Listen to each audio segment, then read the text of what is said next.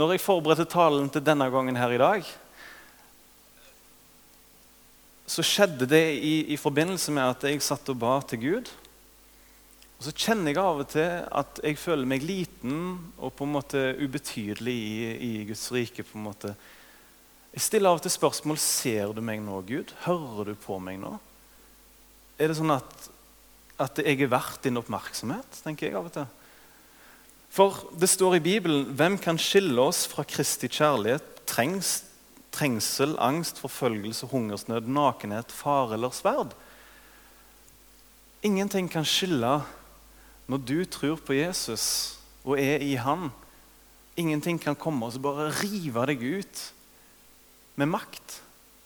Men det er veldig mye som prøver å skille deg ifra Kristi kjærlighet. Og jeg tror For mitt vedkommende så tror jeg det som oftest prøver å skille meg ifra Guds kjærlighet For det er mye som prøver å angripe, angripe oss som kristne. Og For meg så tror jeg det er følelsen. At jeg føler så mye etter er Gud sterk til stede i mitt liv. Nå er han ikke.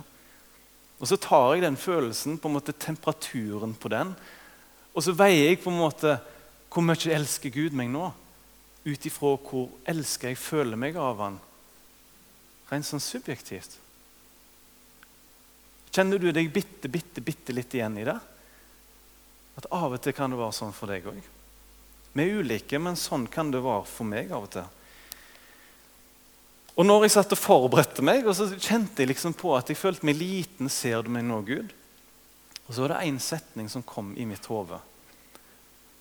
Det var det at Jesus han måtte en gang si på korset, 'Min Gud, min Gud, hvorfor har du forlatt meg?'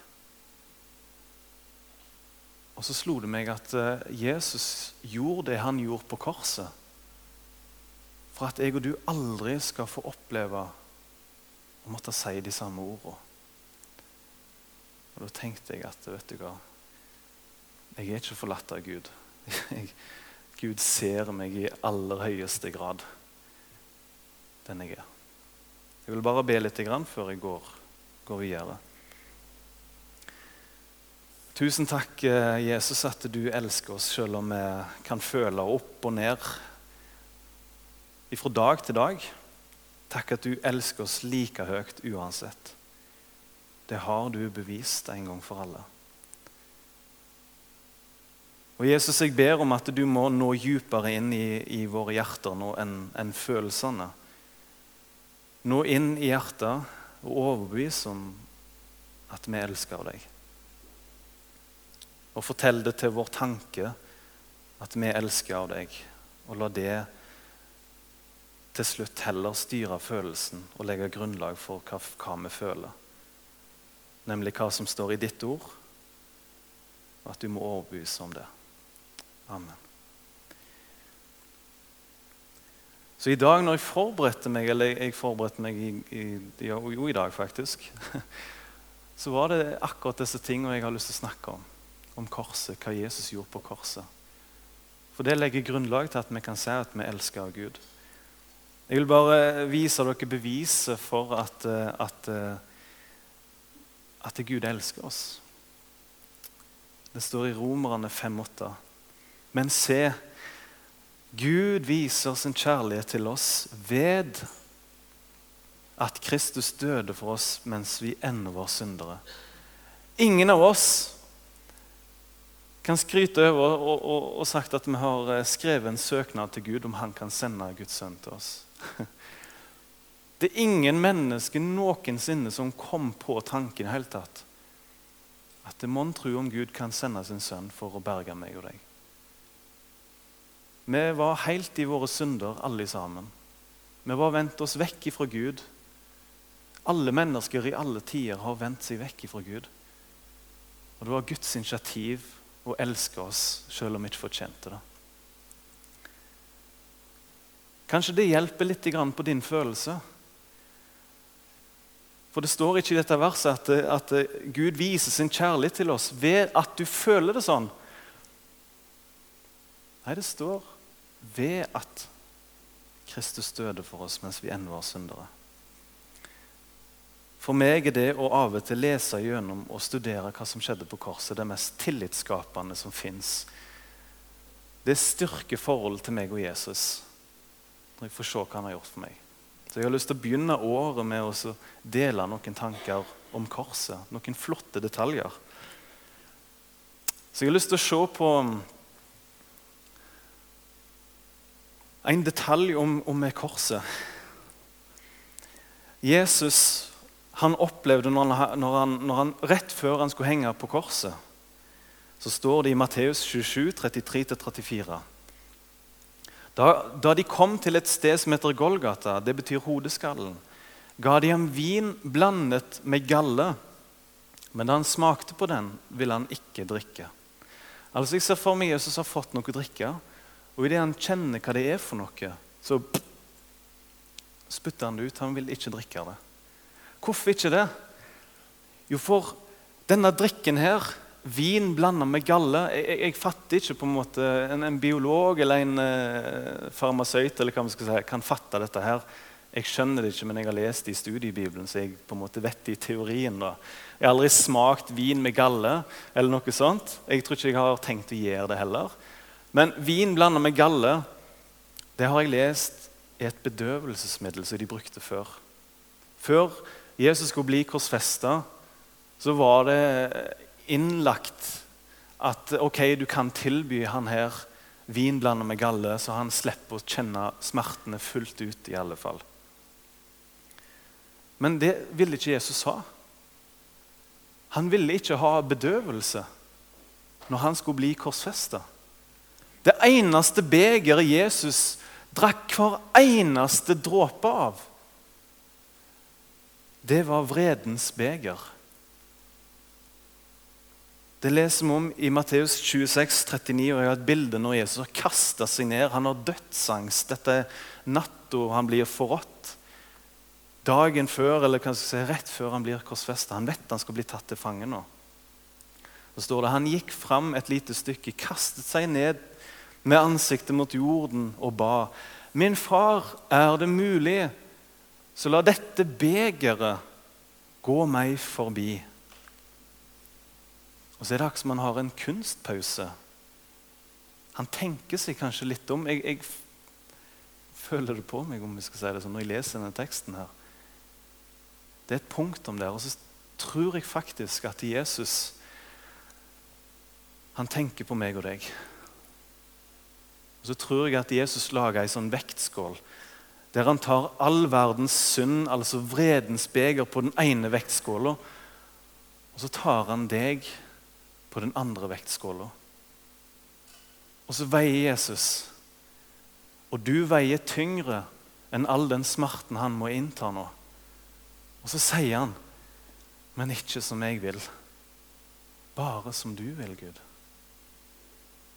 Jeg og du veide for mye til at han kunne overse oss. Vi har et fint bilde der under Jesus eget seman og ber til Gud. Og har dødsangst. Han var så redd for dette syndens beger, denne, han skulle bli gjort til synd, at han bokstavelig talt svetta blod. Og det er legevitenskapelig bevist at det er den største formen for frykt er når det begynner å piple blod i panna di. Da er du livredd. da. Det skjer med ytterst få mennesker. Men jeg er glad for at han valgte begeret. Han valgte meg og deg. Å drikke dette begeret betydde i praksis at Jesus tok på seg all, og inntok bokstavelig all verdens synd. Ikke en eneste dråpe skulle vare igjen. Ikke den lille, bitte lille løgna som du hadde i dag. Hvorfor du var for sein på jobben, eller hvorfor du kom for seint til skolen. Nei, det var rush i dag, liksom. Eller Til og med den dråpen drakk Jesus. Alt. Og så ble han da, som det står Vi må ta neste bilde i 2. Korinterbrev 5.21. Han som ikke visste av synd. Jesus ikke har gjort ei flue fortred. Skulle ikke si, For å bruke det dumme uttrykket. da. Han som ikke visste av synd, har Gud har han gjort til synd for oss, for at vi i ham skulle få Guds rettferdighet. Men han ble såret for våre overtredelser og knust for våre misgjerninger. Straffen lå på ham for at vi skulle ha fred. Ved hans sår har vi fått legedom. Vi får alle vill som sauer vente oss hver til sin vei, men skylden som vi alle hadde, lot Herren ramme ham. Så nå når all synd er på en måte plassert på ett punkt, på Jesus Kristus, hva er det Gud gjør da? Da fyrer han av ei salve, for han har all synda på én plass nå. Og Jesus er da ei skyteskjeve for vår skyld. Straffa smeller rett i han og rammer han. Hvor er beskyttelsen? Under Jesus, så klart. Han tok den kula for deg. Jeg har lyst til å finne fram et fint bilde også, som jeg allerede har nevnt litt i starten. En detalj om korset. Jeg skal nevne tre detaljer. Det er den ene detaljen. At Jesus lot være å drikke bedøvelsesmiddel. Han ville smake straffa sin fullt ut. Men neste eh, detalj er akkurat de ordene. Hvis du tar neste bilde at han ble forlatt. For I Markus 15, 34 så står det og ved den niende time ropte Jesus med høy røst Om dette her blir rett, vet jeg ikke. Elio, Elio, lama sabachthani. Det betyr 'min Gud, min Gud, hvorfor har du forlatt meg'? De ordene der som var litt rare, på en måte, det betyr jo 'min Gud, min Gud, hvorfor har du forlatt meg'? Og det, han snakker nå på arameisk sitt morsmål. Um,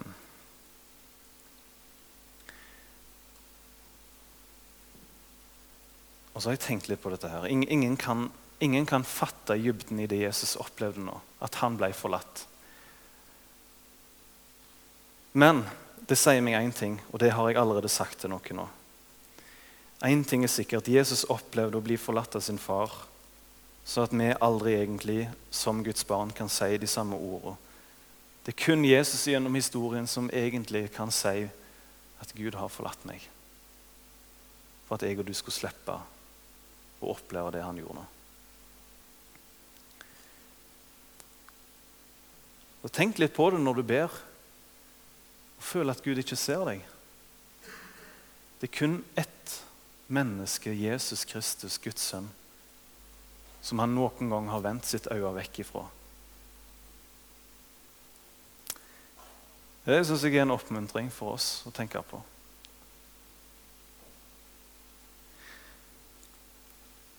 Og Så har jeg lyst til å lese til slutt, eller ikke, jo, siste punktet om korset. Jeg tar neste bilde. Det står i Markus 15, 38, og forhenget i tempelet revna i to fra øverst til nederst. Hva som skjedde da? Jo, det forhenget der i tempelet Hovedtempelet var delt opp i det hellige, og så er det skillevegg. Og så var det det aller helligste. Og Det var symbolet på Guds nærvær. Og Der kom Gud akkurat når, eller Jesus akkurat når han døde. Så sier det bare Og så som dere ser bildet med de prestene, det blir helt ifra seg. Det er umenneskelig at det er tjukke Jeg vet ikke hvor mange tepper som var vevd oppå en annen, sånn som det der. der om det var tolv tepper. Og Prøv å rive ett teppe, du. Se om du klarer det. Tolv tepper der Gud tok og reiv det vekk. Umenneskelig, men det var et Guds under. Og så skjedde det, for han er vår fred. Han som gjorde de to til ett og rev ned den muren som skilte fiendskapet ved sin kropp. Nå skal jeg forklare deg litt om, om tempelet, hvis vi tar neste, neste, bilde. For du ser det at når, når, Jesus døde på korset, så gikk han inn gjennom forhenget. Og så gikk han helt inn i himmelen, inn i det aller helligste. Og så viste han seg framfor Gud. Det er fullbrakt, sa han. Og I Hebreerne 10, 19-20 så står det så har vi da søsken frimodighet ved Jesu blod å gå inn i helligdommen, dit han innviet en ny og levende vei for oss gjennom forhenget, som er hans kropp. Jeg vet ikke om alle dere ser det bildet like godt nå, men du kan si at hele tempelet er bygd opp på fire forskjellige måter. Nå er det bare en liten klagemur som står igjen, da. men jeg regner med at de fleste der inne har hørt og vet litt om tempelet.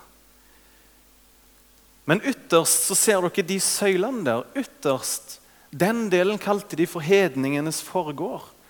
Der kunne søkende hedninger Hedninger var altså alle som var utenfor Abrahams biologiske ett. Så jeg og du er bokstavelig talt egentlig en hedning, hvis vi tenker på den, den folkeslagtenkningen. da. Men vi er ikke en hedning i tru, og da er vi Guds ett med Abrahams ett. Ok, Hedningens foregård, Der kunne søkende hedninger oppholde seg. og Det nærmeste de kom, var at de kunne se liksom opp på tempelet og tenke at der er Guds nærvære. Og Så måtte de bli møtt med en mur som representerte prestenes forgård.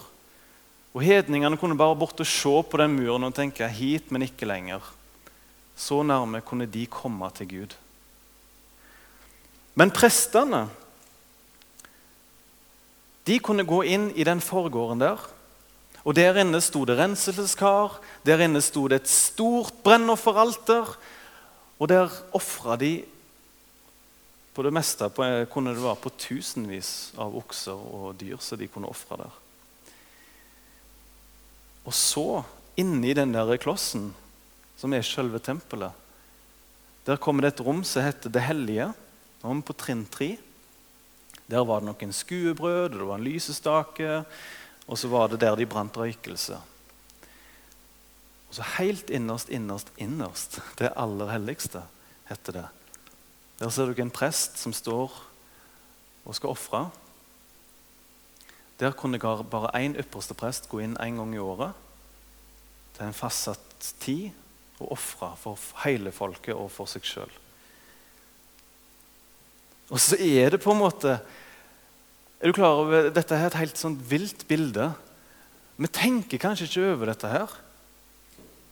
Men folk har strevd i tusen år og stått, stått ute i den der forgården og bare sukka og tenkt Tenk og kommet inn, inn til Gud, da. Hva er det som har skjedd nå på korset? Det er kun én plass at Gud inviterer oss.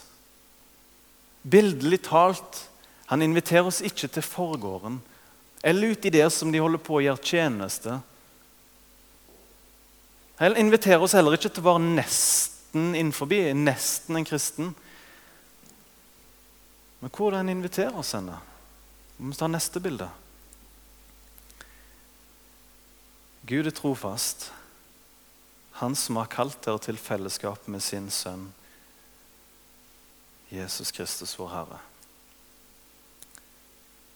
Nå inviterer altså Gud med sine ord, sitt ord, så viser han at vi skal få lov å komme helt inn i det aller helligste. Det betyr å få lov å være i lag med Jesus.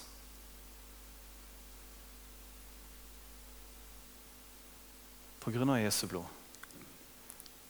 Og så Nå vil jeg bare spørre deg helt til slutt. Hvor befinner du deg hvis du tar det tempelet som et bilde? Er du en ikke-kristen som bare ser litt bort på, på tempelet og der Gud er? på en måte? Akkurat som Sakkeus var oppe i et tre og ville så gjerne se Jesus. Er du en ikke-kristen her inne som har så gjerne lyst til å ha et lite glimt av Gud? Og du tror kanskje at veien er stengt for meg, den jeg er. Men invitasjonen er at du skal få lov å gå inn i det aller helligste. Du skal få lov å få møte Jesus og bli rensa med hans blod. Eller er du ute i denne prestens forgård, der de gjorde en masse tjeneste og sånne ting? Du har lyst til å være en kristen, du begynner kanskje å være med og har tjeneste og sånne ting, og tenker at jeg håper jeg på en måte blir kristen etter hvert. Men Jesus vil at du skal Helt inn. Helt inn til han. Eller er du faktisk ganske nærme? Du er til og med en som ber til Gud.